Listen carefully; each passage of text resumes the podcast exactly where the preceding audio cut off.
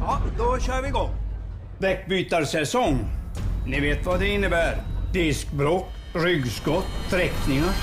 Mycket jobb för oss. Var rädd om ryggen. Låt oss byta däcken istället. Nymans, din däckteamverkstad.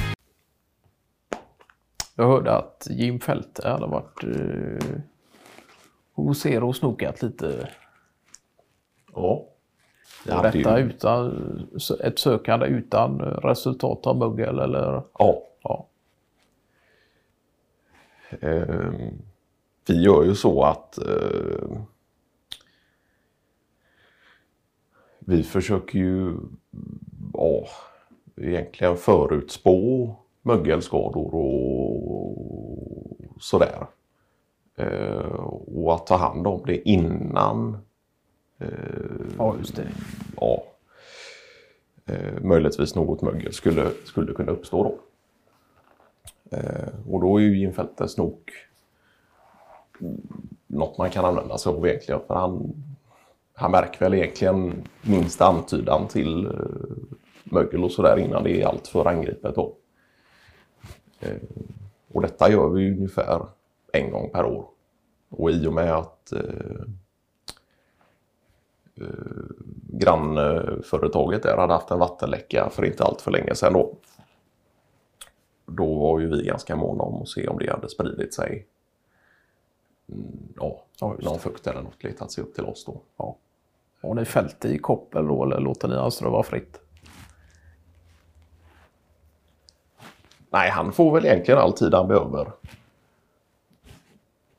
Och ströva runt och, och Sen ska jag väl Nosa sig tilläggas att han antagligen har med sig någon typ av fuktmätare också och Ja. diverse verktyg. Utan det är inte bara snoken som eh, upptäcker diverse mögel då. nej, nej. nej, så är det. Men det är ju ganska imponerande att följa med honom på en sån här Ja, ja, koll som han gör. Och sådär. Och se lite hur han arbetar. Ja. Sen är väl han egentligen minst lika intresserad av det förebyggande arbetet som ändå krävs för att det inte ska bli mögelskador. Just användning av rätt primer och Ja, ja. stuprör och dränering och allt vad det kan innebära. Ja, ja. Korrekt avrinningssystem i badrum och WC och Han säger ju det själv att han har ju i princip 0 fel eh, marginal då på snoken sin. ja, just det.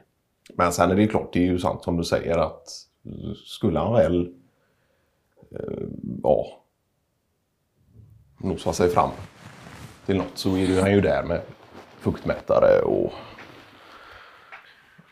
För gör tester och Ja, just det. ytterligare ja, kontroll då.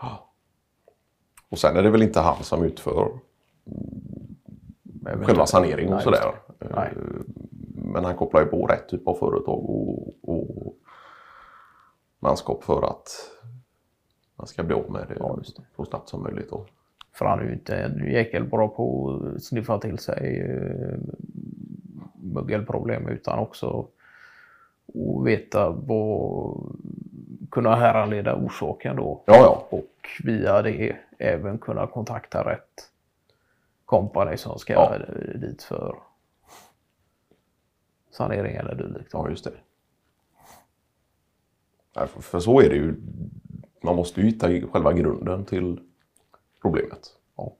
Eh, Nej, det är klart att det, det ryser lite längs ryggraden när man eh, ser fältet komma snokandes in i trädgården. Det är, Ja, det är, det är ju inte alltid lätt att veta om han är där för att han har fått upp något spår eller liknande. Eller om han kommer med...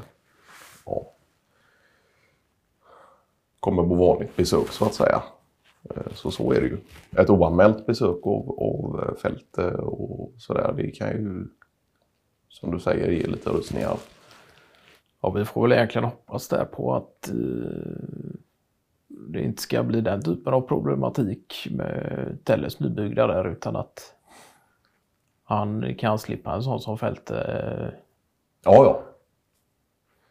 Det hade ju annars varit en syn eh, ja, ett par veckor efter eh, att han är klar och, och köra dit Fälte. Ja, just det. Och se Telles min.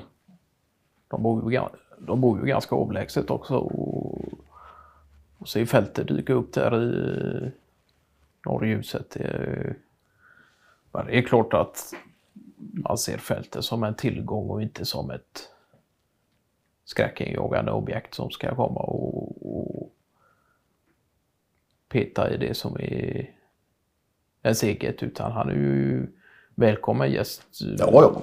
oavsett om man är där på visit för att käka lite brunch eller enklare Eh, kaffebruds... kaffebröds... eh, Ja, ja.